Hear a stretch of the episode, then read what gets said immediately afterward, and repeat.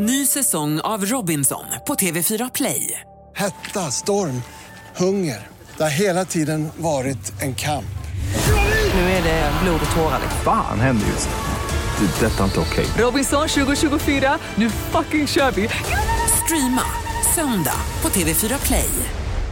Välkomna till krimpoddarnas krimpodd Över min döda kropp med mig, Anna Jinghede och Lena Ljungdahl.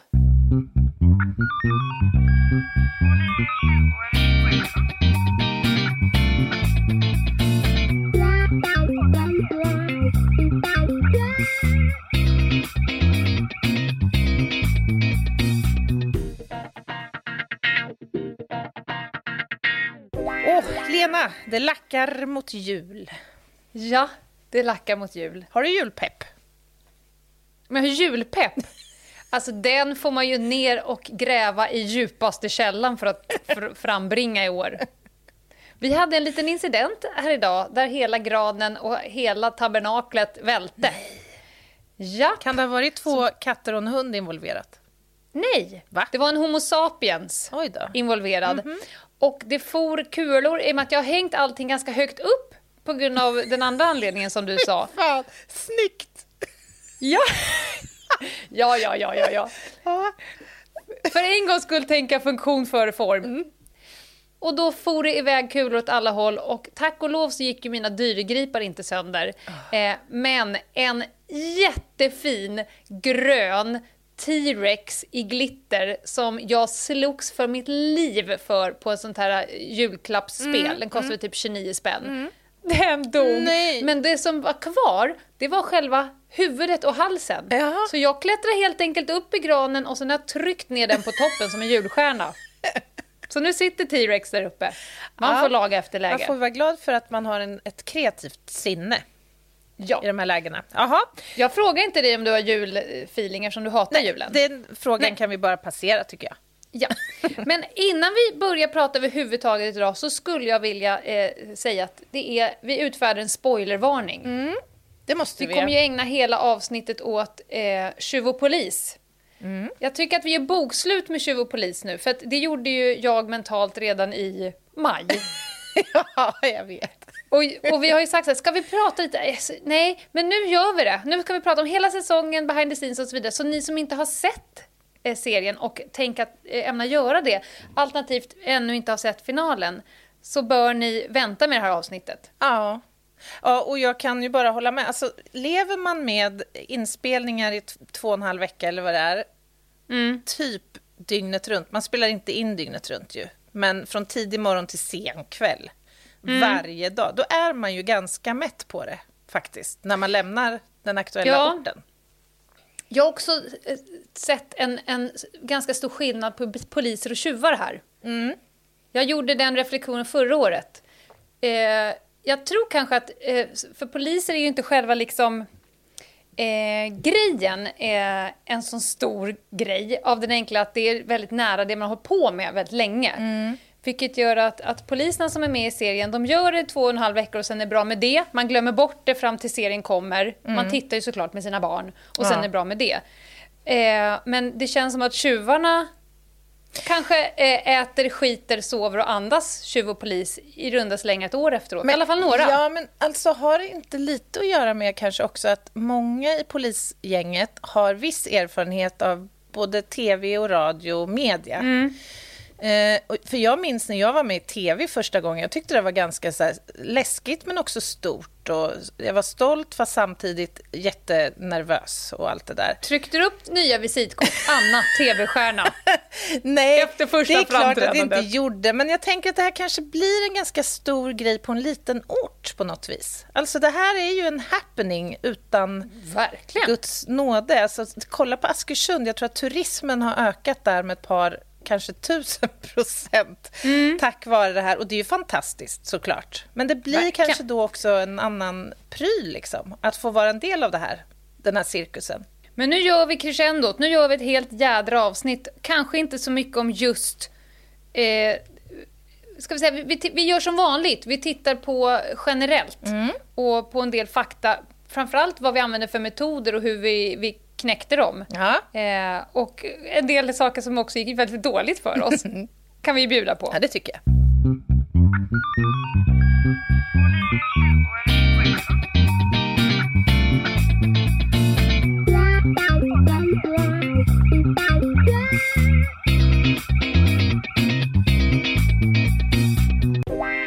Vad tycker du om, om säsong två? Eh, om du jämför med ettan?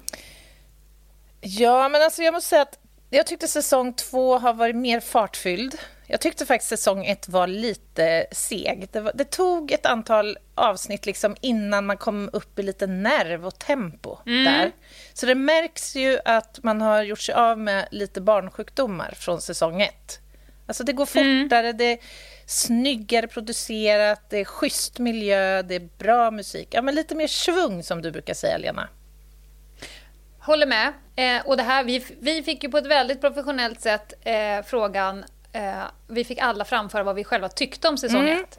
Så vi har ju blivit bättre. Förra, första säsongen var vi själva så här, men gud vad är det här? Och, den här kamerapersonen, ska du verkligen stå här? Och det var väldigt mycket. Nu var det ju mer jobb. Ja. Eh, och framförallt så tycker jag att det var skitmycket bättre klippt den här gången. Och du bara gled förbi musiken. Kan vi prata Ja, lite om geniet som har musiksatt säsong två? Vilken upplevering! Ja, verkligen. Fantastisk. Och du var ju lite inne på det där. Vi hade, jag minns ju i, i Askersund, då hade vi ju alla en viss uppstartsträcka. Det tog ju en stund att vänja sig med kamera, eller vad heter det, mikrofon på toalett och allt det där. Och ja. ståsynk och sittsynk och allt vad det nu heter. Men jag tror att vi Ja. var ju mer pang på det liksom den här gången. En ståa. Ja, en ståa, ja. Eh, Och, och en, en riktigt stor grej som jag tycker var väsentlig den här gången i att lösa brottet, för det var mycket svårare den här gången. Tjuvarna var bättre eh, och de hade lärt sig läxan eh, och förmodligen hade det viskat små fåglar vad de skulle göra och inte göra. Men vi kände ju varandra från start den här gången. Ja, det gjorde vi. Som personer och varandras kvaliteter, vilket gjorde att vi behövde inte cocktaila oss igenom ett par dagar innan vi... Nej, och jag upplever att vi utnyttjade våra, våran resurs bättre, faktiskt. Eh, så att, ja, det, ja nej, men mycket som har varit positivt. Sen tycker jag att castingen har varit ganska bra också. Alltså, härliga tjuvar ju. Roliga Ja, verkligen. karaktärer. Vi kommer till dem sen. Vi ska nämna dem lite grann i alla fall. Ja, just det. Det är många, vi är många som har fått frågan hur fan kunde ni spela in det här mitt i brinnande corona? Och det var inte alls självklart skulle jag säga. Jag måste säga att jag blev rätt så förvånad att det faktiskt blev av. Nu var det ju så här att Lysekil själva ville ju väldigt gärna att det här skulle bli av. Eh, så att eh, produktionsbolaget Meta har ju inte tryckt sig på eh, Lysekil på något sätt. Sen var det extremt uppstyrt Ja. med hälsokontroller och det var feberkoll på morgonen och eh, om någon hostade lite grann då var det bara varsågod och åk hem. Ja, men det var ju till och med så att, att eh, produktionsbolaget hade ju en tät kontakt med smittskyddet i Västra Götaland och i Lysekil. Så det här gjordes ju i samråd och utifrån en utformad rutin för hur, hur vi Ja. skulle kunna genomföra det säkert för både oss och Exakt. för Lysekilsborna naturligtvis. Och det gjorde vi ju. Det var ingen som blev sjuk. Nej.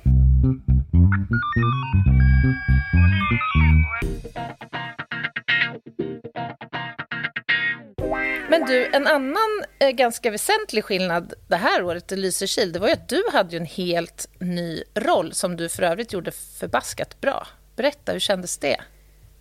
Tackar. Men, eh, jag gick ju från eh, spanare, säsong 1, till spaningsledare eller spaningschef. Det finns lite olika namn. Eh, säsong 2 nu då. Det, hur det kändes? Ja, det kändes annorlunda. Dels så eh, satt jag och hoppade på nålar. Jag vill ju ut och spana. Ja, gud ja. Vi Eh. fick hålla i dig ibland på insidan. Nej, Lena, det här är din arbetsplats. Framförallt eftersom det var, eh, det var ju Helena, Daniel, eh, Stefan. Mm. Det var inte så många spanare till en början, eller det var inte så många spanare någon gång. Om vi tänker att det var ungefär fyra spanare på tio misstänkta.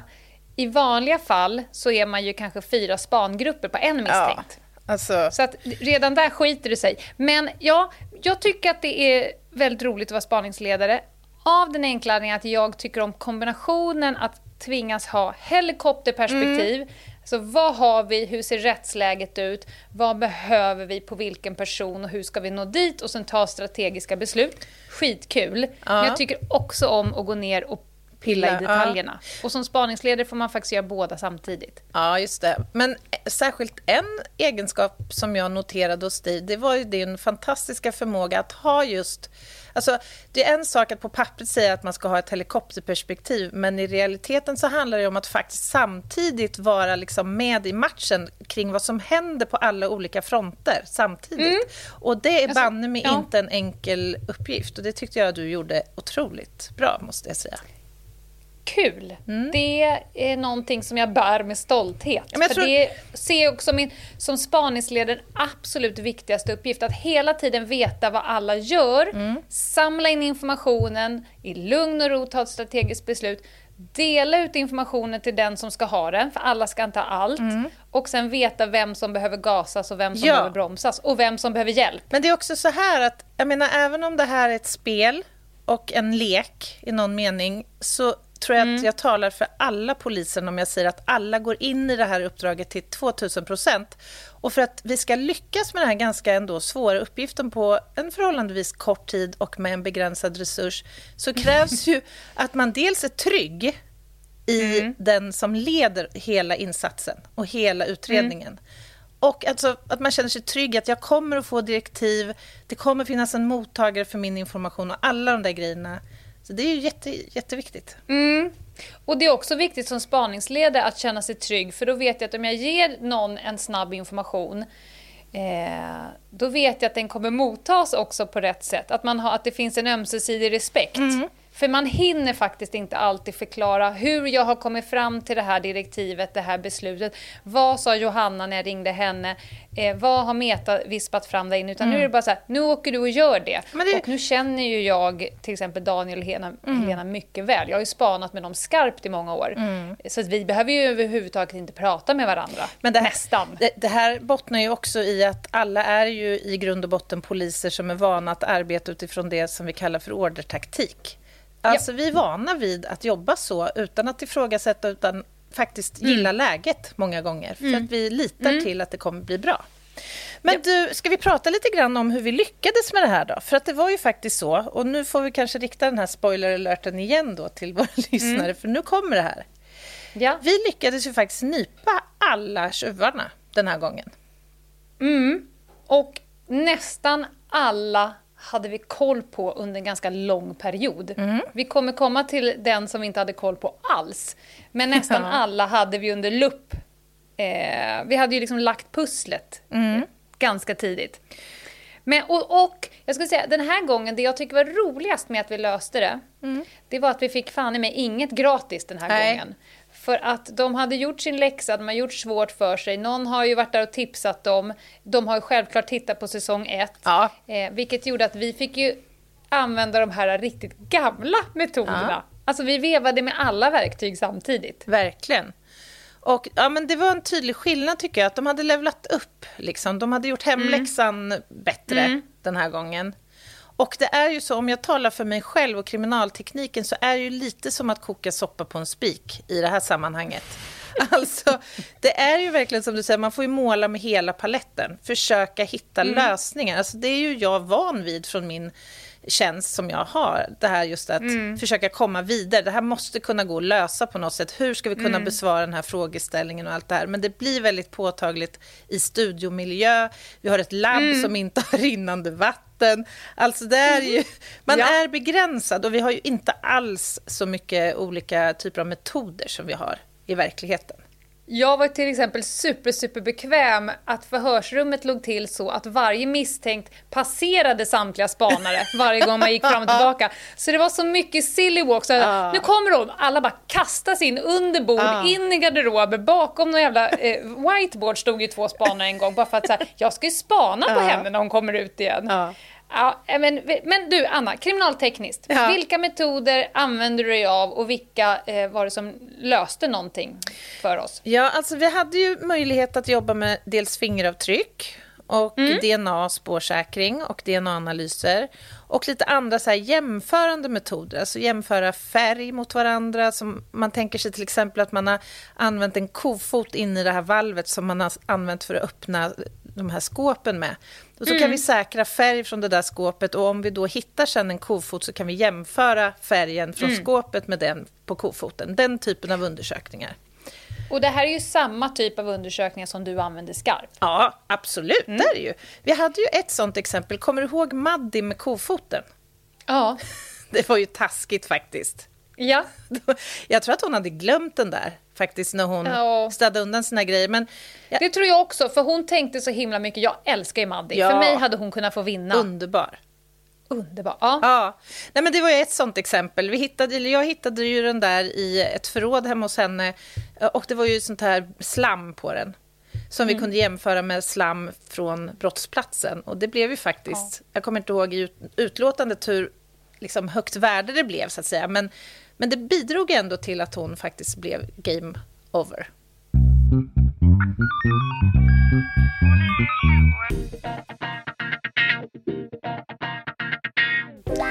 Eh, Jag vill stoppa in en grej här, för att längs med säsongens gång så har vi fått små eh, pikar eh, på Facebook och sådär mot tjuvarna. Eh, med med eh, budskapet att vad fan är de dumma i huvudet, jag hade gjort det bättre själv. Ja, Jag skulle vilja här med bara höja upp mitt lilla kunskapsfinger och säga så här. Det är inget fel på hjärnkapaciteten på de här ju- tjuvarna. Däremot har de varit hårt ansatta under extrem stress. Ja. Det här har vi pratat om i många avsnitt om hur lite stress det behövs för att hjärnan ska tro att det är mycket stress.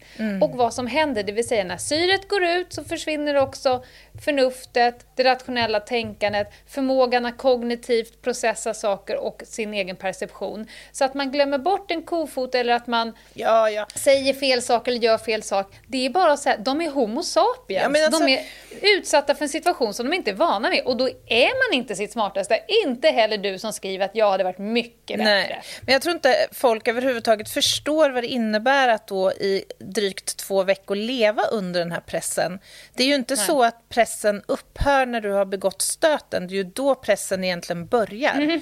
Liksom. Och det blir en lång Mm. resa att dels ducka för polisen men också för omgivningen. Alltså Mm. det blir ju ett skådespel för alla tjuvar under de här veckorna som det sker, eller pågår. Mm. Nej, Mer om spår då. DNA tänkte jag, folk frågade ju och ni gjorde ju liksom undersökningarna på riktigt och skickade dem till riktigt labb, eller hur Ja, Anna? absolut. Och jag tror så här, för vi såg ju i år att tjuvarna var ju betydligt bättre på att dels maskera sig, men också eh, vad heter det, skydda sig för att inte släppa spår. Och eh, alltså, även om det var så att alla hade handskar och skyddsglasögon och munskydd och allt det här så, så blev Stopp! det ju... Locards princip. Åh! Gud, jag får, nu fick jag Va? gåshud över hela min hudkostym. Så jävla skönt att jag Oh. kommer ihåg den. För vad säger Ja, den, men Anna? Princip, jag älskar den. Den innebär ju att när ett föremål eh, kommer i kontakt med ett annat så kommer en spåröverföring ske. Och det kommer ju ske även om du har handskar på dig. Mm. Även om du tänker att du är skyddad så kommer du glömma bort att du kommer att få DNA på dina eh, handskar om du rättar till glasögonen, kliar dig på kinden eller drar ur kalsongen ur röven, så att säga. Nej, men De har alltså- klippt bort det. Nej, men jag menar, du kommer att avsätta spår oavsett. Det går Mm. praktiskt taget inte att inte göra det och särskilt inte under såna här förhållanden. Att stå och svettas och slita ner i Ja. ett bankvalv alltså, och sen fördela de här pengarna med smutsiga handskar. När jag är på en brottsplats och jag ska göra några olika moment, jag byter ju handskar mellan varje moment i den här proceduren. Det kan gå åt 200 par plasthandskar under en timmas brottsplatsundersökning i princip. Ja. Men det är riktigt, vi, vi använder ju oss av ett universitet som har ett väldigt, väldigt bra eh, labb för den här typen av undersökningar. Så att det var helt på riktigt. Vi skickade iväg spår som vi hade säkrat, säkrat och fick tillbaka eh, analyser. Och lite gjorde vi själva med de möjligheter vi hade på plats. Så är det något särskilt? Ska vi prata, eh, till exempel handskrift körde vi ju. Ja, Det tycker jag var lite roligt, för det är ju ett sånt här, en sån här undersökning som vi inte gör jätteofta. Det är ju ofta Nej. involverat i be- bedrägeriärenden till exempel, eller så här förfalsknings... Jag har gjort det ganska många eh, tullärenden, narkotikaärenden. De som beställer knark över nätet. Eh, och då får de fylla i sitt eget namn och adress på ett kuvert, skicka någonstans så får de tillbaka knarket i sitt eget kuvert. Ja, just det. Och då inleder vi ju förundersökning och så säger vi, eh, du själv har ju skrivit på det här kuvertet som det ligger knark i. Nej, it wasn't me, säger de ju då. Ja, det gör Och så gör vi handskrift och bara, jo, it was you. Och sen är det klart. Yes, it was me. It was you. Ja. Ja, det har jag, jag har aldrig varit med och jobbat i den typen av ärenden med just den här undersökningstypen. Men Evelin åkte ju på en liten mina där. Mm. Hon skrev ju ett så vackert eh, brev med snirklig, eller på ett kuvert ska jag säga, med Ja, snirklig farmorstil. farmorstil. Mm. Från farmor till Evelin tror jag det stod. Och Alltså, jag tyckte att det var så Ja, behjärtansvärt, för en gammal människa skulle aldrig sätta ihop ett F och ett R på det där sättet. De har ju gjort skrivstil till förbannelse när de gick i skolan. Ja. Det är liksom, det är universalfel Ja. att en, en äldre person skulle sätta ihop de två bokstäverna Ja. på det sättet. Så då, jag blev så öm i hjärtat det är mer troligt det. att farmor hade kickat igång en dator och skrivit i Word, tror jag. Ja, Faktiskt. ja, det är mer troligt. Nej, men och hur gör man då? Alltså, det är ju inte bara så att be den misstänkta att skriva sitt namn på ett papper. För det första måste du, du måste ju ha jämförelseskrift då. Och då vill du ju helst ha i den stil som ja, det omtvistade spåret är skrivet i. Och I det här fallet var det ju då skrivstil. Så Evelin fick skriva det här, den här harangen på kanske fem papper. Man brukar först säga så här, skriv på det sätt som du är mest bekväm med. Och då kan man se liksom hur man beter sig när man liksom eh, formar sina bokstäver. När lyfter man pennan och hur binder man ihop? För det där följer ju ofta med in sen Ja. i skrivstilen. Och här, jag vet inte, minns du hennes skrivprov? Det fanns Jo. ju ett antal då Klockrena! ganska Klockrena! väl överensstämmande Ja. ja, typer av skrifter. Så att, ja, nej, men det var lite snöpligt för Evelin naturligtvis. Men jag, jag tror inte heller det är så himla lätt att göra sig till i det där Nej, läget. nej. För den där grejen är så inövad, hur man skriver. Så att det är svårt att förställa. Och så under stress. under stress, nu återigen. också. Hon rök ju också på tänderna. Ja, just det. ja. ja, det var ju ett litet udda grepp. Det kanske inte hör den traditionella kriminaltekniken till egentligen ju. Eh, men, Men det är inte så många kriminaltekniker som också är rättsodontologer. nej, det är ju inte Det det. är en. ja. Det är en nämligen i Sverige. en. Ja, men så är det ju. Och som sagt, här fick vi ju verkligen försöka kramma ut så mycket vi bara hade. Och sen ska det väl sägas att jag var faktiskt lite sur för att jag hade gått på en massa pengar i Evelins trall på hennes golv hemma. Så att Ja. här kändes det på något vis lite extra angeläget att försöka så här vara lite kreativ. Vad har vi på henne? Och då var det ju så Hämta att, hem. Exakt. Evelin har ju ett oerhört vackert leende, ska sägas. Så det har ingenting med estetik att göra detta. Men hon har en del egenheter. Är det, Ja. är det oetiskt att prata om hennes eh, orala hälsa så här inför ett par Alltså, kanske inte prata om hundratusen? hälsan, men när jag kom in i ditt rum och så sa du så här, ja men titta här, så satt du och pekade på skärmen och så sa du någonting. Eh, Du sa en, en kombination av två ord som jag aldrig hört tidigare. Du sa så här, du ser här att Evelin har ett inkompetent läppslut. ja. Eh, va? Har hon en korkad mun? Ah, vad roligt. Ja, men, alltså, det är ett begrepp som handlar om att normalt sett så ska vi kunna sluta våra läppar om tänderna. Det kan de allra flesta om man inte har någon form av bettavvikelse. Eh, Till exempel ett stort överbett eller sådär. Och hon hade ju då det här inkompetenta läppslutet tillsammans med en väldigt trångställd underkäksfront. Och det här hade jag, jag har ju tittat på henne väldigt mycket. Eh, men jag hade ju inte tänkt på det här förrän du sa det. Det nu tänker alla så här, men gud, hur ser hon ut? Hon är supertjusig. Ja, ja, ja, ja. Ja. Men det roliga är att när du säger så, då är ju vårt jobb som span att få fram jämförelsebilder. Ja, just det. Ja. Så jobbet med att försöka få henne att sitta i olika vinklar i förhörsrummet så att vi samtidigt kunde eh, dolt fota Just henne hela tiden. Det här var ju superkul. Vad synd att inte det här visades. Jag tror inte det Ja, gjorde det, det. det, och det har hänt så mycket förhörssituationer, vi kommer till det Ja. sen. Påminn mig, för vi har gjort så mycket. De tror att de är där på förhör, Mm. men egentligen så hå- håller vi på med en gångjämförelse. Ja, det kan man Vi säga. kommer det händer det. lite Mm. mer i det där rummet. Ja. Ja, men ska vi lämna kriminaltekniken för en stund då och prata lite Ja, men, om förhören? Ja, om förhören. Ja. Ja, exakt.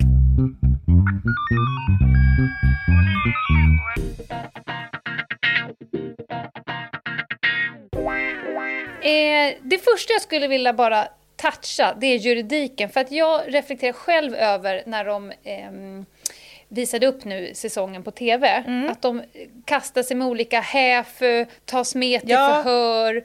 Jag, jag, ska jag ta, ta tillfället i akt och bara säga Ja, att det, finns jag. väldigt många olika typer av förhör. och förkortningar. och förkortningar. Grundregeln är att förhör får hållas med en var som Mm. kan antas lämna upplysning som har betydelse för en, för en utredning för, Mm. i, i, inom en förundersökning. Eh, och, och då får man hålla förhör och det gör man ju oftast på plats. Kanske om någon har stått här, du har sett ett brott eller så. Jag, nu tänker jag hålla förhör med dig. Eh, häfu, det sa ju Johanna också. Nej, men vi tar en häfu på honom. Mm. Ta in han på en häfu. Och det betyder ju hämtning till förhör. Därav häfö. Gud vad jag var pedagogisk. Mm. Ja, mycket, mycket.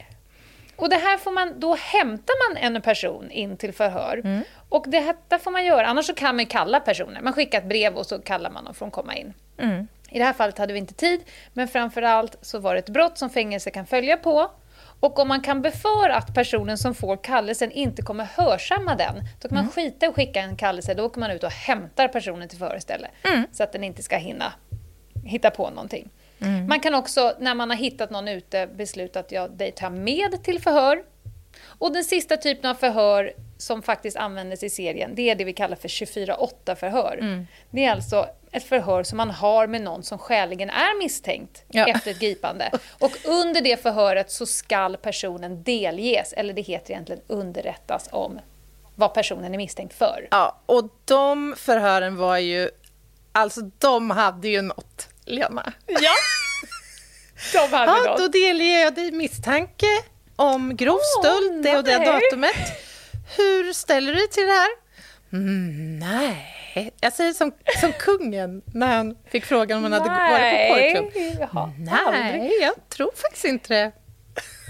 En, en kritik som har kommit mot tjuvarna som jag faktiskt kan hålla med om. Det var ju fan inte någon som la manken till på något sätt att spela lite förvånad. Nej, var... Hej, jag heter Stefan, du är gripen. Jaha, ska vi åka nu eller? Alltså en vanlig oskyldig person kommer bara, vad sa du att du sa, sa du? Ja. Ja, nej, men det... Den kunde de ha jobbat upp lite. Mm. Ja, men alltså... För redan där vet vi, oh my god, han är rätt. Mm. Han är så rätt. Annars har man inte den här reaktionen. Och speciellt om man är liksom lite gammal i gamet och framförallt lite erfaren. Det var vid flera tillfällen i serien som Stefan sa, jag fick direkt en känsla Ja. av att, det här, att vi ligger rätt här. Mm. För vi visste ju inte, det kan vi säga nu här, vi har ju alltså inte fått någon information. Nej, Vi visste inte hur många de var, vi visste inte vad som skulle hända. Nej. Vi har inte fått guidning någonstans längs vägen. nej verkligen inte. Överhuvudtaget. Så att vi visste ju inte när vi åkte fram till, det såg ni ju för säsong ett, vi fan grep ju fel person. Produktionen stoppar ju inte oss, så att när vi åker fram till en person och inte blir stoppade, då är inte det ett svar på att ah, då vet vi att det är rätt. Nej, det har vi ingen aning om. Absolut inte. Och Vi har stoppat fel personer i år, Ja, men vad bra att du säger det, för det är en sån där fråga som har kommit. Det är ju väldigt konstigt, eller en kritik, det är ju väldigt konstigt att inte polisen har förhört någon annan som inte är rätt eller misstänkt någon annan. Men ingenting kunde ju vara mer fel. Vi har ju haft otroligt många namn och personer under lupp. Ja. Så. Ja. Sen är det ju en eller annan orsak som gör att vi går på en viss riktning. Liksom. Och en och annan orsak som gör att det inte kommer med TV. Ja, Personer ja. kanske inte vill det. Så kan det vara. Absolut. Ja, men förhören då. Då har vi gått igenom juridiken. Ehm, det är ju såklart utmaningar för tjuvarna. Dels det här stressen pratar jag om. Och sen det någon glöm, det folk ofta kom, glömmer bort. Jag tänker att de har planerat att de ska lägga en story. Mm. Att det här är liksom min min förklaring. De inser att de- kommer få frågan, vad gjorde du den här dagen? Och så har de bestämt sig för en story. Mm. Det de inte har tänkt på, eller kan ens förbereda sig för, att de har ingen aning om vad poliserna vet. Nej, dels Så poliserna ställer öppna frågor och sen spänner ju Therese och Kristin Ja, ögonen i dem. Och så tänker de, jag drar min story nu för den är bra. Mm. Och så ser de på polisen att nej, den kanske inte var så bra. Va, vad vet de egentligen? Och så säger Therese, ja fast så var det ju inte. Vi vet ju att du inte var där. Då måste ju de ad hoc komma på ändra sig. en annan story som inte blir så tydligt att de ljög första gången men fortfarande stämmer överens med det poliserna vet som de inte har en aning om och då skiter det sig. Och det är då de sitter och ler så här, ja, och då kommer de här, nej det säger du, det säger inte jag. Det säger du, det säger inte jag. Man bara, men, Nej, men- bubbis. Det är ju också så här att alltså man kan ju få uppfattningen att Therese och Kristin går in i det där förhörsrummet med ett blankt block och bara ställer lite random frågor. Men så är det ju inte, utan det här föregås ju liksom av en taktik. Så här, vad, Vilka frågor vill vi ställa? Vad, vad vill vi få fram och ställa i relation till det vi har? Och så där. Och, I vilken Och i vilken ordning? Och då är det så här att då är det inte så jäkla lätt att dra en, en rövare. För man kan ju framstå Nej. som en komplett idiot om man känner att nej, men de har ju mer på mig än, än så. Ja. Men alltså, jag måste... Jag kommer också framstå som en komplett idiot på bästa sändningstid. Ja, men jag måste säga alltså, hade jag suttit i det där lilla, väldigt varma rummet Mm. och fått Therese stirrblick in i mina ögon. Ja. Nej, jag, jag hade nog direkt erkänt bara. Ja, jag var med på det här, bara, jag vill bara hem. Jag hade inte pallat. Asplövet Ginghede. Ja, fy fan, jag hade inte pallat där. Både, och Kristin och Therese i kombination, alltså som förhörsteam, de är ju Mm. Ja, grymma massa. verkligen. Ja. Vi turades ju om, jag, framförallt jag och Meta, turades ju om att sitta i det här rummet bredvid. Mm. Det här med dolda, det dolda rummet. Och så bara satt och tokblängde på kroppsspråk. Som, Okej, nu får hon den frågan, vad händer? Vad händer på halsen? Vad händer? Börja skruva på sig, som hela tiden. Och sen så kunde de ju så här, ja vi bra bryter, och så ut, coacha, Mm. tänk så här, eller vad har ni? Vad ska vi göra? Det är ju väldigt, väldigt roligt att se hur man långsamt bara monterar ner en person. Ja. Ja, men det är, och, och det kan vi också säga att det är ju faktiskt sånt som sker i verkligheten, att man har ett medhörningsrum där en Gud, ja. förhörsledare kan sitta med, eller en förundersökningsledare kan lyssna på förhöret och Mm. göra in, inflikningar och tillägg. Mm, och det, och det, är man ett bra team så finns det ingen prestige i det här. Eh, för vi pratar ju, polisarbete är ju teamwork i dess allra finaste form.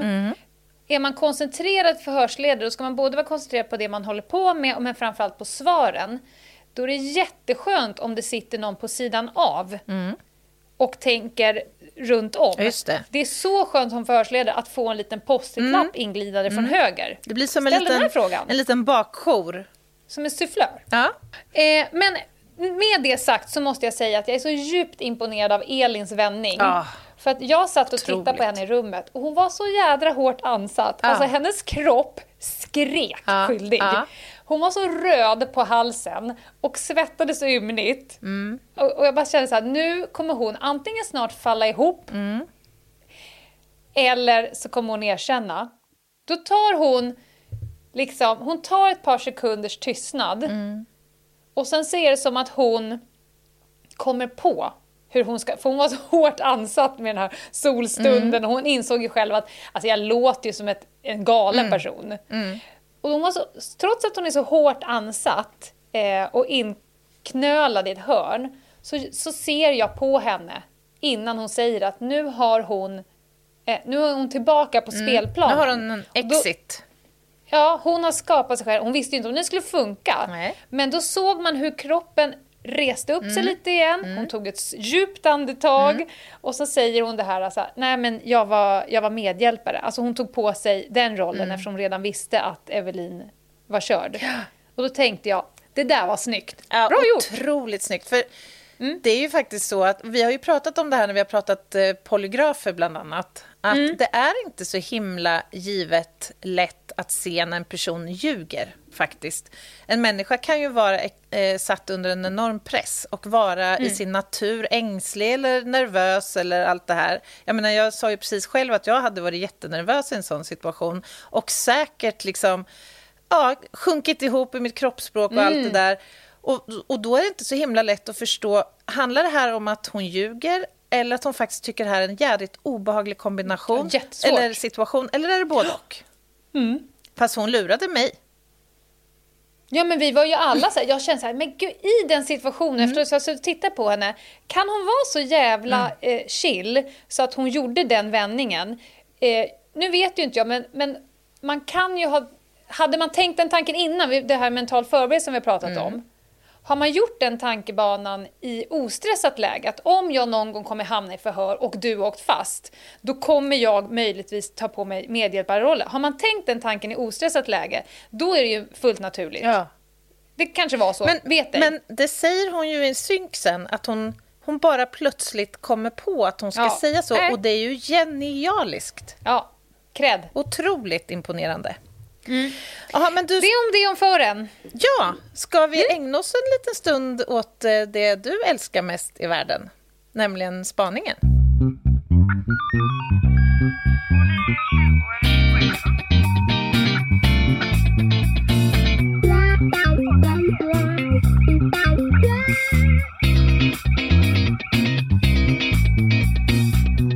Jag var ju ganska kritisk efter säsong ett. Nej. ja, men det var ju så jävla crappy klippt i säsong ett. Det blev ju kling och klang av alltihopa. Man blev ju inklippt i bilar man inte satt i. Mm. Man gjorde saker man inte gjorde. Eh, det är också... Eh, jag skulle säga så här, det var mycket, mycket, mycket bättre i säsong två. Ja, verkligen. Och det var också framförallt eh, personer med eh, på polissidan som har jobbat aktivt med spaning, liksom, som gör det nu, hela tiden. Mm. Som är sammansvetsade också, ja. vilket märktes. Ja, exakt. Får jag bara flika in där och säga där, för att ja, för 17 vad imponerande det var tyckte jag att se de här spanarna jobba tillsammans. Mm. Det märktes att de var sammansvetsade och de mm. hoppade direkt in i spelet och jobbade som om de aldrig hade gjort något annat. Och det har Nej. de ju knappt inte gjort heller. Ja, och de var ju faktiskt inte med säsong ett, så de Nej. borde ha varit i nervositetsläge som vi var då. Ja! Sen ska jag säga så här, det är massor spaning som inte syns. Det är såklart. Så det som syns, det här med när det var liksom ett litet namnskylt över, det här är Daniels bil, det här är Helenas bil och så. Mm. Eh, det är ju de få gångerna man har legat riktigt nära. Det är ju väldigt mycket spaning som inte kom med i serien, såklart. Mm. De har ju väntat med liksom till vi är väldigt nära, eh, för att det är mycket snyggare på TV och jag tycker det är jättebra. Men, det, men jag vill säga att de, som spanare så springer man ju och går och kör liksom så mycket mer mm. än inte bara det som syns på TV utan det som eh, blir det som man kan ha användning för mm. i en spaning. Du måste springa, göra loopar och köra extra och jag, jag chansar höger och då går det vänster. Alltså mm. man håller på och gnuggar och de var ju typ aldrig på stationen. Jag måste ge full cred till de här spanarna för som de kämpade på dessa ja, få men... personer. Försök splitta upp fyra personer på tio personer. Mm. Men får jag fråga, tror du är det svårare att spana på amatörtjuvar än garvade kriminella? Eh, ja. För att amatörtjurar... Tjuvar, amatörtjurar, nej, amatörtjuvar eh, beter sig ju...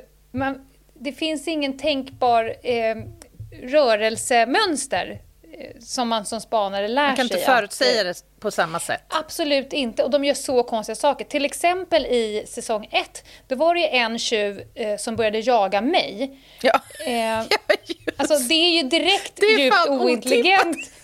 Alltså, hade en brottsling... I det fallet så var det så att ni får inte släppa för han ska gripas. Mm. Så jag hade ju då gått över från spaning till att bara tjuvhålla personen mm. och vänta på ett beslut om att få gripa. En vanlig tjuv tänker ju inte så här, åh, nu ska jag leka med poliserna så att jag börjar jaga polisen. Så att man vet aldrig vad de här tokskallarna gör. Nej. Dessutom så i det här fallet så hade ju tjuvarna hemmaplan. Vi ja, hittar ju exakt, ingenstans. Ja. Vad fan jag än åkte så kom jag till vatten. Och jag tänkte, vilket ju...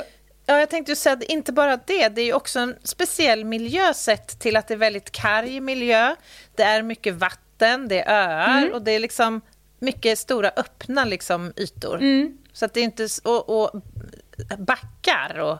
Jag vet inte hur många ja. backar jag sett Helena cykla uppför med snärtiga tramptag. Man fick spänstiga skinkor efter de där två och en halv veckorna.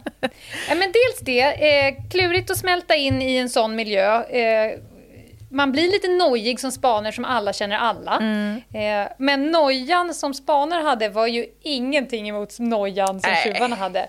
Det var så roligt att titta på serien nu när de stod och liksom kikade bakom oh. liksom, gardinen och så hörde man så här, ja idag har jag sett en sån här bil och en sån här ja. bil och en sån här bil. Och jag bara satt och go- för att ingen av de bilarna rabblade upp Nej, men, har ju vi någonsin haft. Kan vi prata lite grann om en av bröderna Hjelm? Dessa fantastiska bröder. Alltså, ja. vilka härliga människor. Jag kommer inte ihåg nu vilken av bröderna det var, men när han är vid pastoratet och han är övertygad ja. om att det här äldre paret i husbilen... Ja! ja. ja, nu är de här utanför, sitter de där och grillar korv. Det är span. Och jag, han rabblade ju upp typ fyra pers som han hade sett på kyrkogården. Och jag hade ju filmat av alla dem. Ja. Jag var ju på kyrkogården. Och han rabblar upp, ah, hon där med den här gamla tanten och så var det hon med barnvagn och man bara va?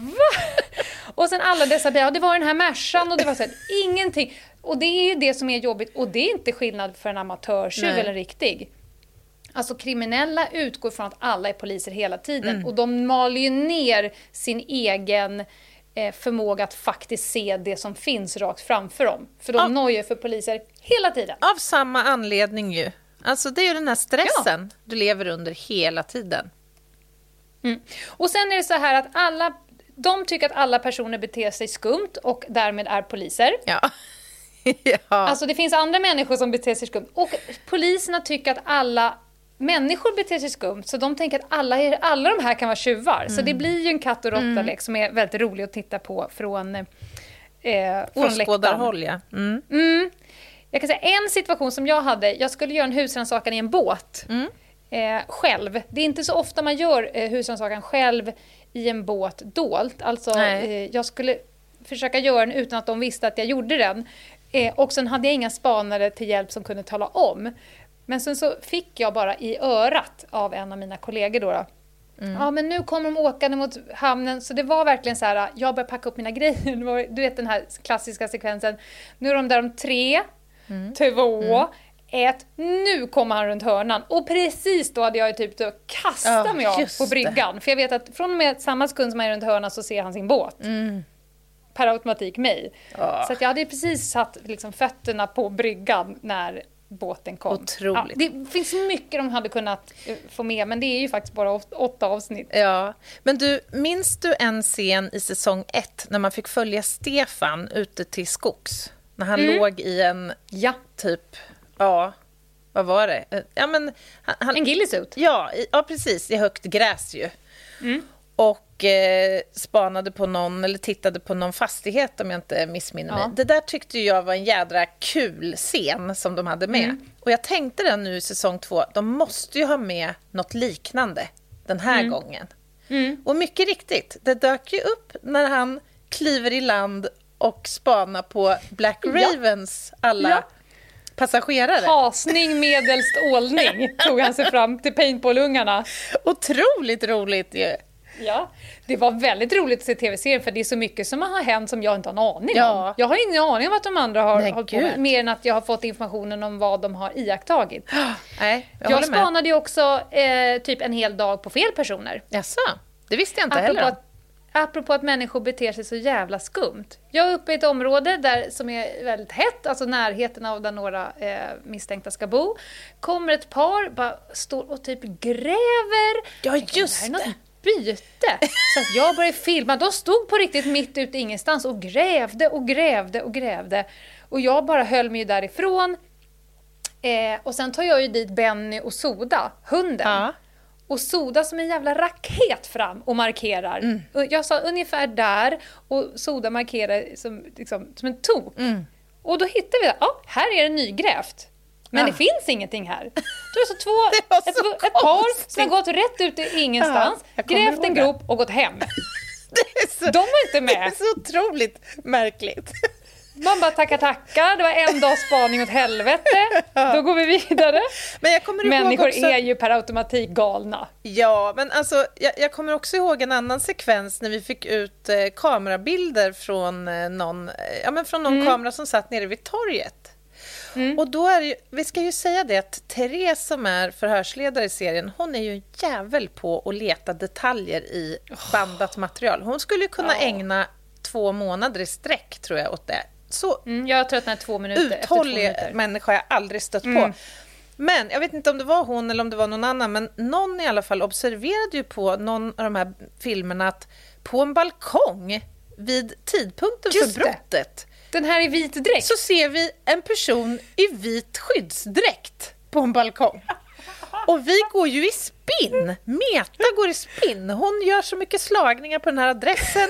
Hon gör äh, hembesök, hon rekognoserar hela trapphuset. Och sen kommer produktionen in och säger nej, det där kan ni bara släppa, det är dött. Eller på något sätt så fick vi, Ja, vi fick inte vi gå fick vidare. inte gå vidare där av någon anledning. Men det där har jag fortfarande väldigt svårt Precis samtidigt som de kommer så går alltså ut en person i likadan dräkt som de har på sig. Ja. Lutar sig över balkongräcket och typ gör någon vinkande gest. Och de säger så här, skit i det. Man bara, va? Ja, men jag fick förklarat för mig att det var typ ett äldre par som bodde i den där lägenheten. Alltså som att typ, ni ska inte störa dem. Eller så här. Nej, de vill, de vill inte inte vara med i det här. Nej, vi blev lovade att det inte hade någonting med stöten Ja. att göra. Jag har fortfarande svårt att förstå det där.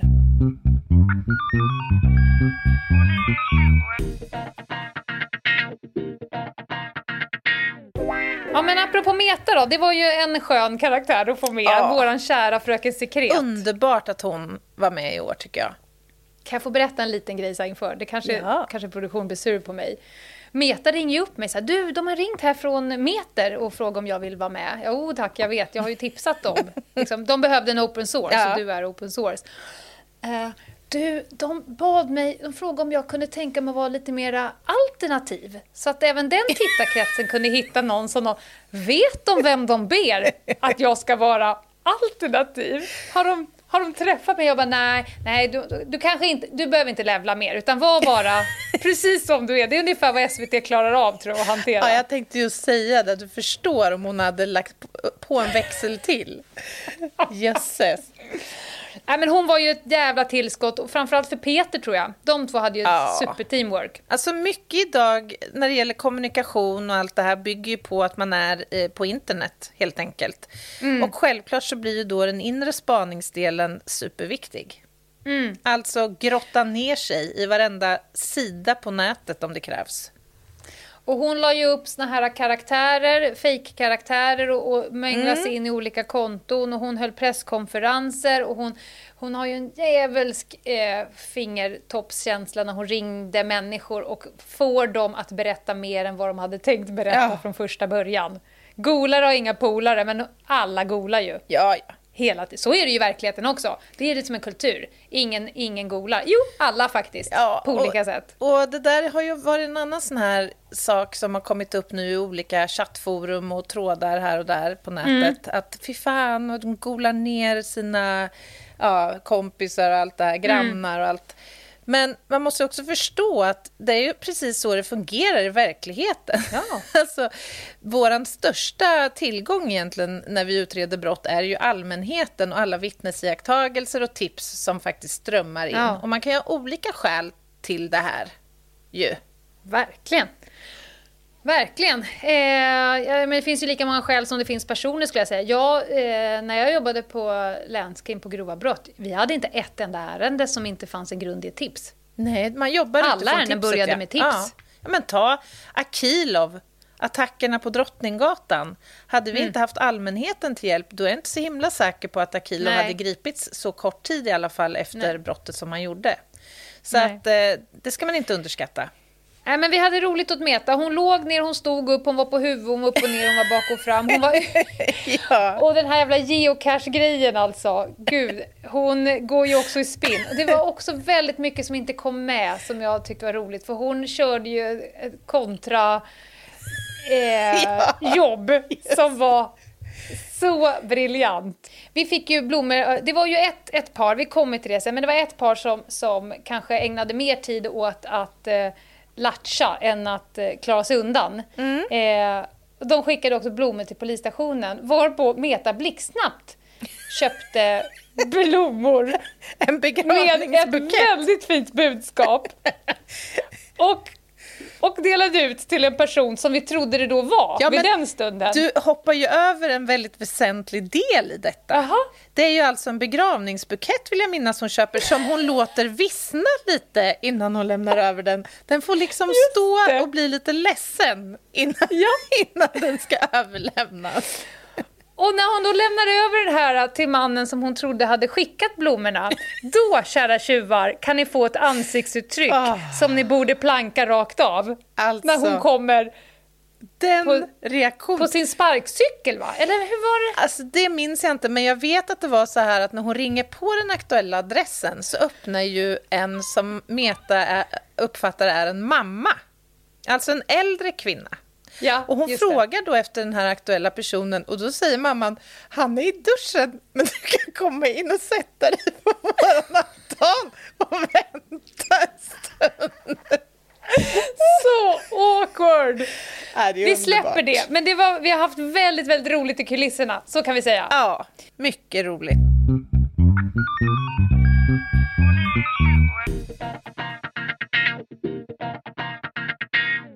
Sen kan vi nämna analysgänget då. Ja. Eh, Peter med alla sina skärmar, han, han är ju liksom... Om, om Meta har en räv bakom varje öra så har ju Peter alltid ett Ja, ja. S i skjortärmen. Ja, verkligen. Han är tyst, sitter där, scroll, scroll, scroll, scroll Ja. och så reser han sig på tavlan, lägger lite huvud på sned och så börjar han göra sina små chart. Ja. En pil hit, en pil dit och så sa han så här, så här tror jag att det är. Alltså, och ta mig fan, Han, han, är har alltid rätt. jävel på att se samband alltså. Det är Ja. helt otroligt. Han är så analytisk ända ut i sina fagra fingerspetsar. Alltså. Ja. Och så Micke då inne på sitt rum. Ja, Micke. Han är en ganska o... Är han inte lite otypisk? Eller så är det bara jag som har träffat väldigt många IT-forensiker som inte är som Micke. Men han är ganska otypisk. vad tänker du att han skulle vara annars? Våga, Lena. Eh, Men har han inte jobbat på ekobrott också? Jo, Han har väl gjort en sväng där. Där, där Det tror jag är min... Alltså nu pratar. Mm. vi bara ren och skär mina egna fördomar. Det, är det här är mitt problem. Ja. Men han sitter där inne och är så mysig. ja. och fipplar med sina telefoner och sladdar. Så kommer han ut och sen ler ju han i mjugg som ingen annan man Mm. kan. Och så säger han så här, de har glömt radera någonting, Ja. anteckningar. Och så får man ju något svar som man har väntat på. Ja, men han är sån jädra mysfarbror. Liksom. Han är så otroligt timid, så att man, det är lätt att glömma bort honom en arbetsdag. Men sen ett, tu, tre, då tittar han ut ur sin Ja. lilla kur kvart i åtta på kvällen och bara levererar en sån håll så säger han, käften-grej. kan säga så här, i förbifarten, "Ja, ja, ja Madde har i alla fall inte varit ute och sprungit. Ja. Man bara, vad sa du du sa, sa du? Ja. Ja, nej det är inte hon. Ja. Det är någon annan som har lagt hon har lagt upp den i efterhand. Det var nog någon annan som skulle springa där åt henne. Ja, men en sak som slår mig nu när vi pratar om de här olika poliskaraktärerna, vi är ju väldigt olika. Det är ju en jädra brokig skara vi är alltså. Det är otroligt Det är väl att... så polisen är? Jo, men, jo, förvisso, men det är ju ganska otroligt att vi, vi har ju inte jobbat tillsammans. Ja, några av spanarna Nej. har jobbat tillsammans, men övriga har ju inte överhuvudtaget knappt träffats innan. Det är ganska fascinerande ändå att vi lyckas på något sätt koka ner det här till, till någon form av verkstad. Men är det inte det som är exakt framgångsreceptet? Tänk om det hade varit eh, 13 stycken Lena Ljungdahl. Åh, fy fan. Det hade skitit sig på. Åh, jädrar. 13 Anna Jinghede. Ja. Vi hade fortfarande suttit kvar vid första mötet. Nej, nu... Ah, fasen alltså. Nej, men det är väl mixen som är styrkan. Ja, jo men det får man nog säga att det är. Jag tror att... Så är det ju alltid i alla kreativa processer och polisarbete är en kreativ process. Ja, ja, det var bra sagt Lena. Mm, tack så du. Men du, eh, det, jag tycker att du sammanfattar ju ändå det där du är inne på nu. Det är ju, kan man ju säga är framgångsfaktorer ju. Lite grann. Och man kan väl addera då erfarenhet. Alltså det här gänget har ju ganska många års erfarenhet samlat. Och kunskap. Och sen pratar ju du i ett avsnitt lite grann om det här med magkänsla. Kan du inte Ja. beröra det lite? Men, eh, men eh, jag brukar motsätta mig det här med att magkänsla skulle vara något diffust. Om man provocerar folk som säger ja, men jag gick på min magkänsla. Eh, om- som förundersökningsledare när folk kommer och säger så här, ja, men jag vill ta pissprov. Varför det? Ja, men min magkänsla säger det. Vad grundar den på?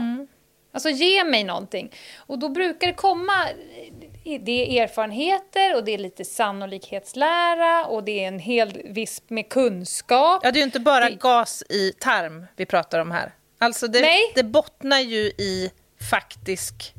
Ja, ja. I Faktiska konkreta omständigheter, omständigheter. ja. Ja. exakt. Om vi ska vara juridiska. Men allt det här och alla polisiära år och alla liksom, gånger du har pratat med människor och sett skeenden och bli, liksom, lärt dig beteendemönster och så vidare. Om vi kokar ner det så kan det te sig som en magkänsla och det är därför den väldigt, väldigt ofta har rätt. Ja. För att du har ett sånt enormt beslutsunderlag som skapar den här magkänslan. Och sen så, tur. Ja, jag säger som Ingmar Stenmark ofta, det är ju det är kul att se hur mycket mer tur jag får ju mer jag övar. ja. ja, det är ett bra exempel. Eller en bra liknelse. För det, det handlar ju inte om... Alltså någonstans så finns det ju en plan eller tanke att man följer upp vissa spår och andra inte. Jag tycker ett bra exempel på det här med magkänsla det är när man jobbar som utryckningspolis och man är ute och bara patrullerar gator helt enkelt. Och rätt som det är så vänder föraren på en bil. Så man bestämmer sig för att stoppa. Och det kan vara trasig framlykta i kombination med någonting annat. Ja, ja. Alltså det Ja. behövs inte mer än Nej. det. Och det är magkänsla, men också erfarenhet och vad man tidigare Mm. varit med om. Men ibland är det rent flax. Kan vi bara prata om det som fladdrar förbi sista avsnittet? När Daniel helt plötsligt ja ah, men jag hittade Benklers bil. jösses. Alltså det var ju mitt ute ingenstans. Jag tror kanske att eh, Daniel behövde rasta Roffe. Ja, så kan det ha varit. och var på väg ut i ingenstans. Så bara, men vad fan, den här bilen har ju jag sett. Så att ibland har man ju också bara ren och skär tur. Ja.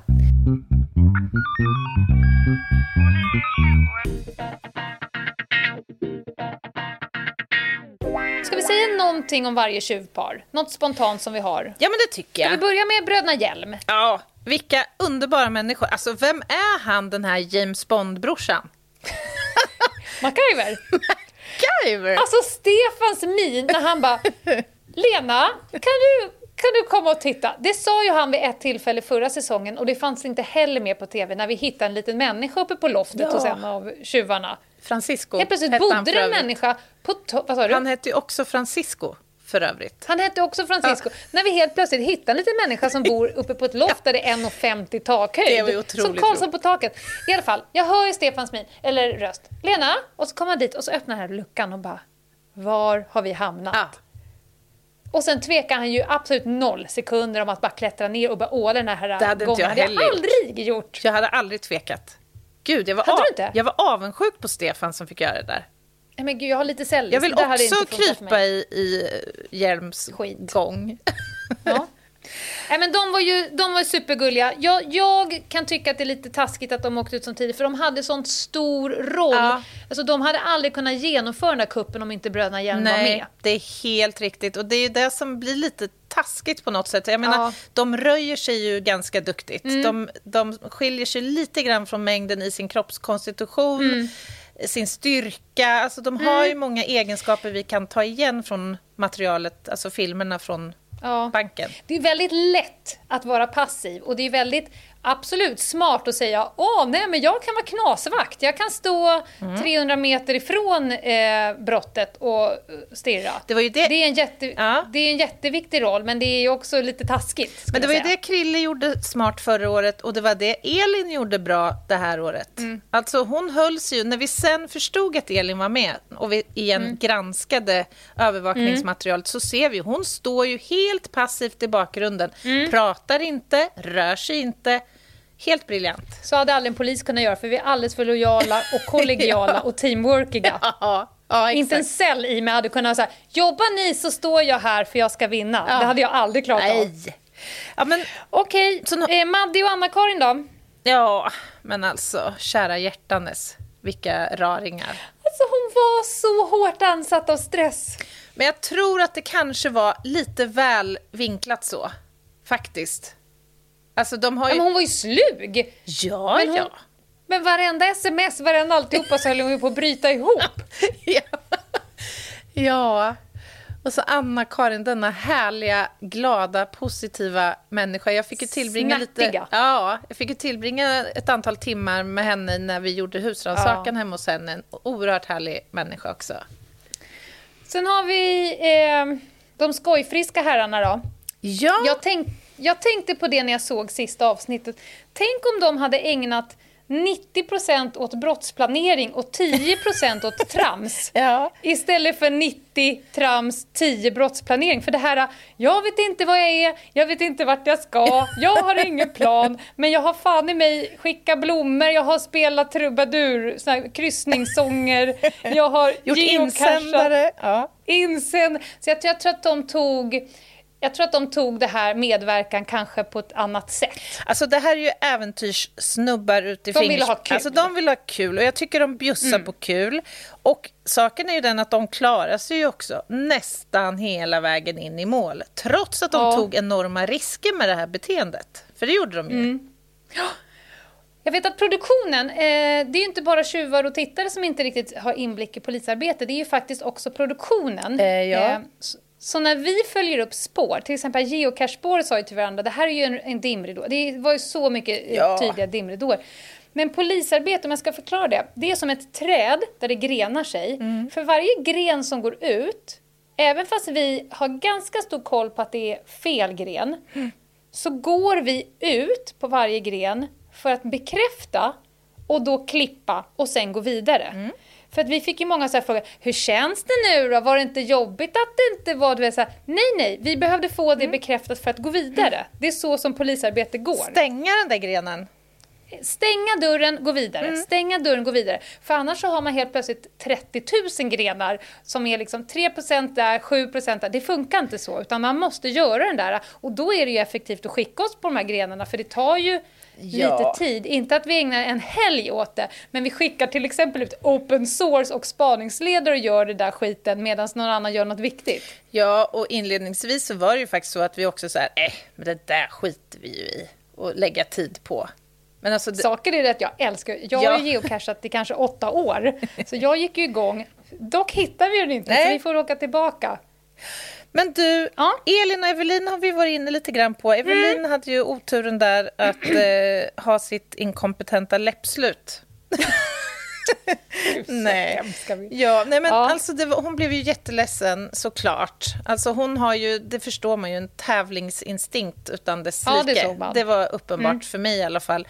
Hon ville gärna hänga med i spelet längre såklart. Mm. Och ja, det hade varit kul att ha med henne längre tycker jag. Hon tog ju Och också... hon hade väl gjort hon hade väl också gjort allt hon kunnat. Man, man Ja. förstod ju ganska tidigt att här finns det ju eh, fåglar som viskar i vassen. Hon hade ju verkligen försökt med alla så. Hon tog Men också det- stora risker ju, ner Ja, i valvet, ja. genom Mm. att vara Och där och kämpade. så exponerad som hon var. Så att, ja, all heder till Evelin. Men du, kan vi prata lite grann om far och son Lopez, heter de va?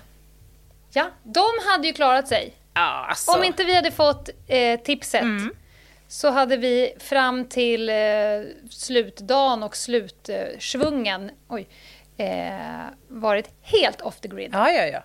Visst. Äl, alltså nu har, jag hade ju ingenting att göra med Francisco förrän jag såg honom i förhöret där på slutet. Men hur mycket älskar man inte denna man efter den här serien? Alltså så likable.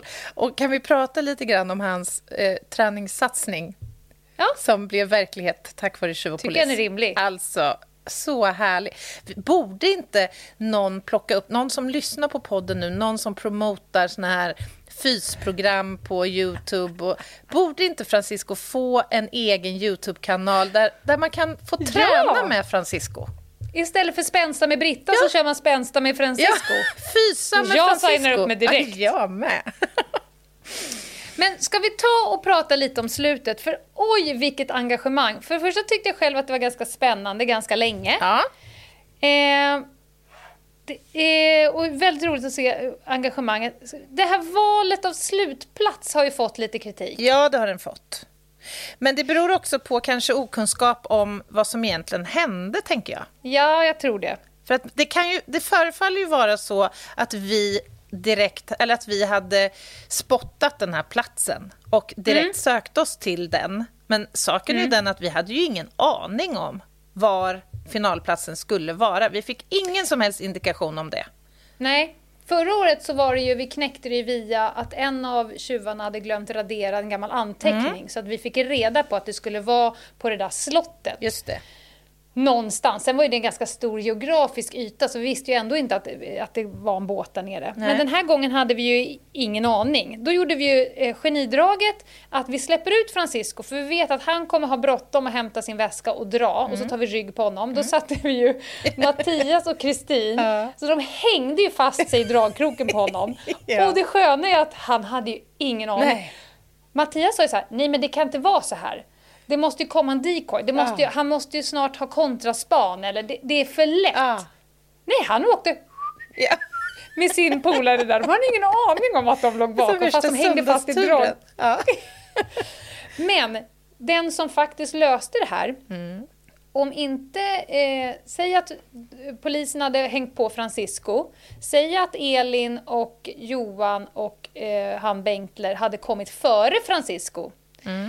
För det vi, Francisco var ju vårt kort, men så hade ju vi Peter. ja. Analytiken som för första gången på två och en halv vecka fick lämna polishuset. Han kliver ut, vänder keps bak och fram, sätter på sig funktionsplagg från När han topp. sätter på sig sin finflätsch. Ja. Nej, men alltså. Och sen går han runt i Fiskebäckskil som den analytikern är och så bara känner han så här. Den här platsen känns rätt. Ja. Jag stannar här. Ja. Strandpost. Ja. Och hade han inte stått där och de här andra tre hade kommit före Francisco, då hade de i lugn och ro Mm. kunnat knalla upp till kvarnen för att vi andra var ju längs hela kustbandet. Det man kan säga var ju att vi fördelade ju oss eh, ut på olika liksom, ställen grovt på förmiddagen så att säga. Jag och Micke Mm. Ja. bland annat åkte ut till Fiskebäckskil tidigt. Vi skannade av Ja. båda sidorna.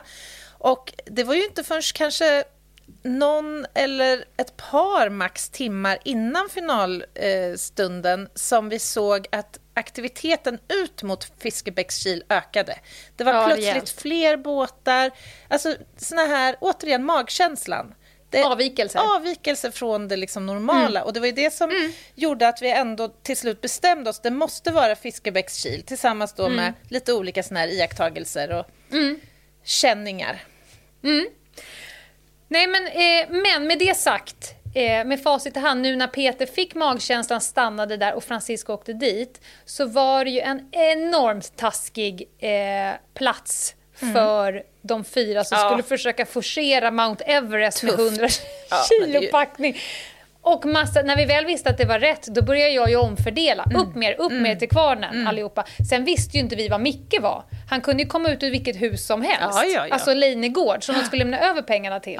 Eh, det var ju en magkänsla, men, men det, det, blev, det blev riktigt taskigt mot dem med tanke på att vi lyckas knäcka koden. Det var hårt, verkligen. Det, antingen skulle det åtminstone vara plattmark eller att de skulle kunna få lämna över ett kreditkort med 6 miljoner på till, För- till Micke. Ja, men saken är ju den, alltså det här väger ju, bytet väger ju otroligt många kilo. Ja, visst, alltså visst. det måste ju ändå vara rimligt. Samtidigt kan man ju säga så här, hade vi inte nu då gått på, liksom rakt på Fiskebäckskil, då hade vi Mm. kanske stått med lång näsa någon helt annanstans också, faktiskt.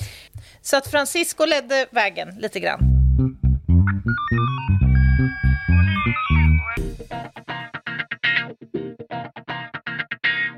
Nu skulle jag vilja ge då lite kritik till tjuvarna. Jaha. Eller se det som coaching Mm. inför eventuell säsong 3. Varför hade 0% av de tjuvarna, de måste ju ändå, om man nu har tittat på säsong 1, Mm. ha någon form av tanke om att det här kommer nog sluta med att jag kommer behöva ta mig till en plats med mina pengar. Mm, men det måste de ju ha fått veta. Ja, och poliserna eh, kommer ju mest troligt att vilja fånga mig. Den ekvationen Ah, borde ju tänker så ja. ja. vara klar. ja. Varför hade de gjort... Nu, nu visste de inte exakt plats, den skulle de ju få reda på en bit innan. Jag kommer inte ihåg, var det en Det halvtimme var eller var det en väldigt tajt in, innan. Tajt in. Ja. Men oavsett vad platsen kommer att bekräftas att den ska vara så hade ju ingen av dem gjort någonting för att gå under radarn. Hallå spanarna! Nej, nej, det var... Det var väldigt skralt med det kreativa. Fast de hade varit så kreativa längs vägen och Madde hade ju gjort om sig Ja. där så vi inte kände igen henne. Och därför har jag eh, skrivit ner här nu. Du sa ju det, skriv... För jag har ju en lösning på hur jag hade gjort Mm. för att ta mig till kvarnen utan att bli fångad. Ja, men jag har också en liten tanke där och då tänkte jag så här, ska vi inte göra ett litet GV-brev? En sån här Ja. kostöldsbrev. Ja, Så du skriver ner nu några punkter hur du hade lagt upp det, så får vi se om den här teorin om great minds think alike verkligen stämmer. Det här är ju jättekul. Ja. Har du skrivit? Ja, ja, jag har skrivit. Okej, kör du då först. Ska jag börja? Mm. Jag, jag går ju direkt in i span-mode. Jag tänker så här. Okej, vilka kommer att vara på platsen? Mm. Jag utgår alltid från att jag kan inte bli osynlig. Jag kan inte gå upp i rök. Jag kan liksom inte inte finnas. Nej. Och då blir nästa steg, vilka andra kommer garanterat att vara på platsen? Det kommer förmodligen, det är en tv-produktion, så det kommer finnas en jävla massa eh, kamerapersoner. Det kommer finnas någon producent och sk- skripta eller någon som står och skriver. Det kommer dra till sig allmänhet å det grövsta. Alltså ungar och, och kärringar med hundar och grannar och allt vad det nu är. Så om jag inte kan bli eh, osynlig men ändå vill kunna ta mig förbi poliserna utan att de vet att det är jag. Då hade jag ju tänkt att vilken av den här, de här karaktärerna som kommer vara på platsen kommer jag kunna blända in i? Så tänker jag som spanare. Så det första jag hade gjort var att jag hade klätt ut mig redan vid lunch den dagen till kameraman. Eller i mitt fall kamerakvinna. Jag hade gjort om hela mitt utseende. Jag hade inte sett, om jag var Elin hade jag inte sett ut som Elin och försökt springa förbi tio poliser. Nej. Det är, ju, det, det är som att springa förbi ett gatlopp med 40 000 gladi- gladiatorer. It ain't gonna happen. Så jag hade den dagen varit, eh, sett, inte sett ut som Lena. Jag hade eh, haft eh, kamera på axeln, lånat någons kamera, jag har haft någon stativ. Inte alls konstigt att ha en stor väska om jag nu var tvungen att ha det. På ryggen, Men- med någon jävla antenn. Får jag bara fråga i. en sak? Mm. Om Francisco hade kommit med en kamera på ryggen och en Ja. stor tung väska, hade du inte tagit igen honom då? Inte om han hade gjort om sig så han inte såg ut som Francisco. Ja, nu ha tänker du som en kriminaltekniker och inte typ. som en spanare. Ja. Jag säger inte hur jag hade Nej, gjort, nej, nej. men jag hade inte befunnit mig på platsen och sett ut som Lena Ljungdahl. För då hade jag blivit tagen av polisen. ja, jag fattar. Hens the utgång. Mhm, Utan jag hade inte sett ut som Lena Ljungdahl. Och jag hade stoppat på mig rekvisita och liksom köpt mig själv rätten att vara på platsen. Mm. Med mitt, min approach, med hur jag beter mig. Jag hade haft kamera, hej och hå. Jag hade varit bländat in så mycket som möjligt. Jag hade kanske, i det här fallet när jag insåg att gud jag ska upp där på kvarn, 10 minuter kvar. Jag hade gått in i något hus från något annat håll, Mm. pratat med någon granne, du vet, rigga här, kan jag få rigga upp min kamera? Så att jag hade liksom blivit ett med platsen. Mm. Gått lite lugnt, filmat lite, inte vet jag, skicka upp en drönare hade jag kanske gjort. Mm. Det gjorde ju kamerapersonerna. Det stod ju Linus alla möjliga där som skickade upp. Det var ju folk överallt på den här kullen. Ja, just det. Och sen så hade jag liksom långsamt närmar mig då. då. Ja. Eh, och sen, om jag, för jag visste ju, polisen visste ju inte, men jag visste att det var dörren i kvarnen som var liksom grejen. Ja. Eh, så hade jag eh, helt enkelt på det sättet jobbat mig upp. Mm. För att tro, oavsett om det är en kvarn eller inte, oavsett om det är platt eller inte, att tro att jag, när jag ser ut som Ja, mig själv, ja, ska. Mm. kunna springa förbi 13 eh, poliser med blodvittring. Ja. Det kommer ju inte hända. Oavsett det är en kulle, kvarn eller någonting annat så är ju Ja, men det spelar ingen det roll. är ju omöjligt nästan. Jag hade blivit någon annan och jag hade gjort mig till en person som skall vara på platsen, Mm. vilket gör att poliserna plockar bort mig. För vi poliser hade ju ingen aning om, det kom ju kameramän från alla håll som vi aldrig har sett. Ja, ja. Ja, men, ja, absolut. Det det var, hade varit mitt sätt. Ja. Ja, har du men- tänkt lika, Anna? Ja, men både och, höll jag på att säga. Jag har också varit inne på tanken att man inte ska komma dit som sig själv. Nej. Eh, Men för det första så hade jag ju föreslagit att man gör någon form av rekognosering av platsen. Så här, okej, vi vet att vi ska vara i Fiskebäckskil. Vad har vi för tänkbara platser då? Ja. Och kanske förrekat, som vi säger, lite grann eventuellt. Ja. Eh, nummer två, då hade jag klonat mig. Jag hade samlat ihop kanske 20 kamrater som jag hade sagt så här till.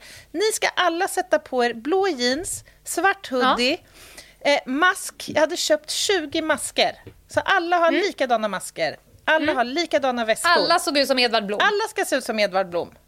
Ja. Sen dundrar man fram. När man, bör, när man vet vad man ska vara, då kör man förslagsvis kanske tre olika minibussar eller någonting annat. Och sen bara kutar utav helvete upp till kvarnen. Och då hade Helena Karlsson fått springa röva av sig. ja. Hon tog ändå tre av fyra. Kanske slänga in någon liten distraktion mitt i hela det här. Ah, flash and bang. Några såna här tutor som låter jättemycket som också stressar oss. Smart. Mm. Smart. Öka på stressnivån. Lägga på poliserna Exakt. processer. Så hade jag gjort. Det, nu tänker vi som poliser, vi hade löst det här som poliser, inte som tjuvar. Det är därför att det är tur att vi poliser inte begår br- brott Fan Lena, tänk om det blir en säsong tre. Har vi nu outat den bästa, de bästa alternativen för att klara Ja. sig? Men det kan också vara så att säsong tre så är det tjuvarna mot tjuvarna. Eller att tjuvarna mot poliserna. Ja, jag bara brainstormar Ja, fritt här nu. ja. Men så hade jag gjort. Jag blev lite så här irriterad på, men ni har inte gjort någonting. Ni kommer här och dyker upp som dig själv och tror att varsågod, du kan gå förbi Ja, här. med tanke på hur de har gjort arbetet fram till den punkten. Alltså för Det förvånar mig. Det här att inte ta reda på exakt vilken kvarn man ska till, det är ju, det är ju inte ett genidrag. Det är ju inte. Och jag led med Johan, måste jag säga, kapten, när han... Åh, vilken ångest han hade där. Ett par minuter kvar bara. Alltså svansföringen Oh. från att sitta i sitt kök och sjunga Who the fuck is Alice eller vad han nu sjöng till att stå i en vägkorsning och bli... Det är ett fall. Ja, det får man säga. Som, det, det var smärtsamt att se. Stackarn. Ja. Nej, men de har kämpat Nåväl. på bra, tycker jag, alla tjuvar. De ska ha en stor eloge, tycker jag, för de har bjussat på sig själva, de har gjort det svårt Verkligen. för oss och de har gjort bra tv av det. Ja, det var inte lätt. Nej. Kan vi nu släppa Tjuv och polis? Ja, nu gör vi Gud det så bara. skönt. Förlösande. Nu går vi Ja. vidare, Lena. Nu vänder nu vi blad. vi vidare.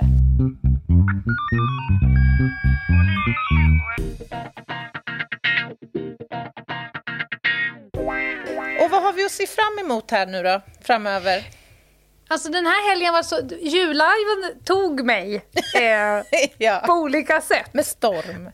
med storm. Och sen kom måndagen och det känns som att det är bara torsdag, måndag, lördag. Eh, snart är det ju lördag igen. Mhm.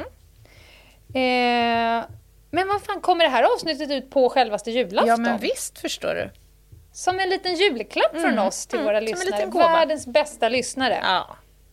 Ja, får... Jag fick ju en grej skickad till mig på Instagram idag. Någon som har gått in på Ljungdahl och Ginghede och klickat på direktmeddelande och lagt upp en bild på mig kopplat till måndagens avsnitt. Och det var den bästa julklappen jag kunde få. Ja, otroligt roligt.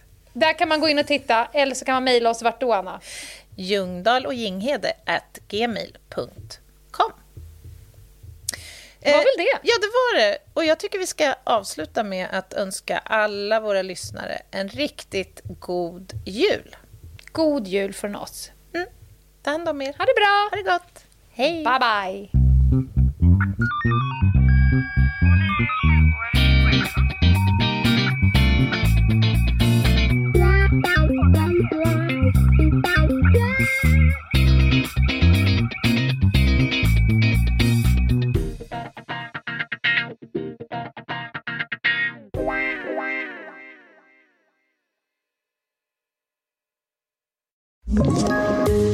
Ett poddtips från Podplay.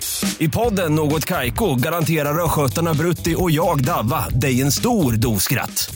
Där följer jag pladask för köttätandet igen. Man är lite som en jävla vampyr. Man har fått lite blodsmak och då måste man ha mer. Udda spaningar, fängslande anekdoter och en och annan arg rant. Jag måste ha mitt kaffe på morgonen för annars är jag ingen trevlig människa. Då är du ingen trevlig människa, punkt. Något Kaiko, hör du på Podplay. Därför är gardinerna.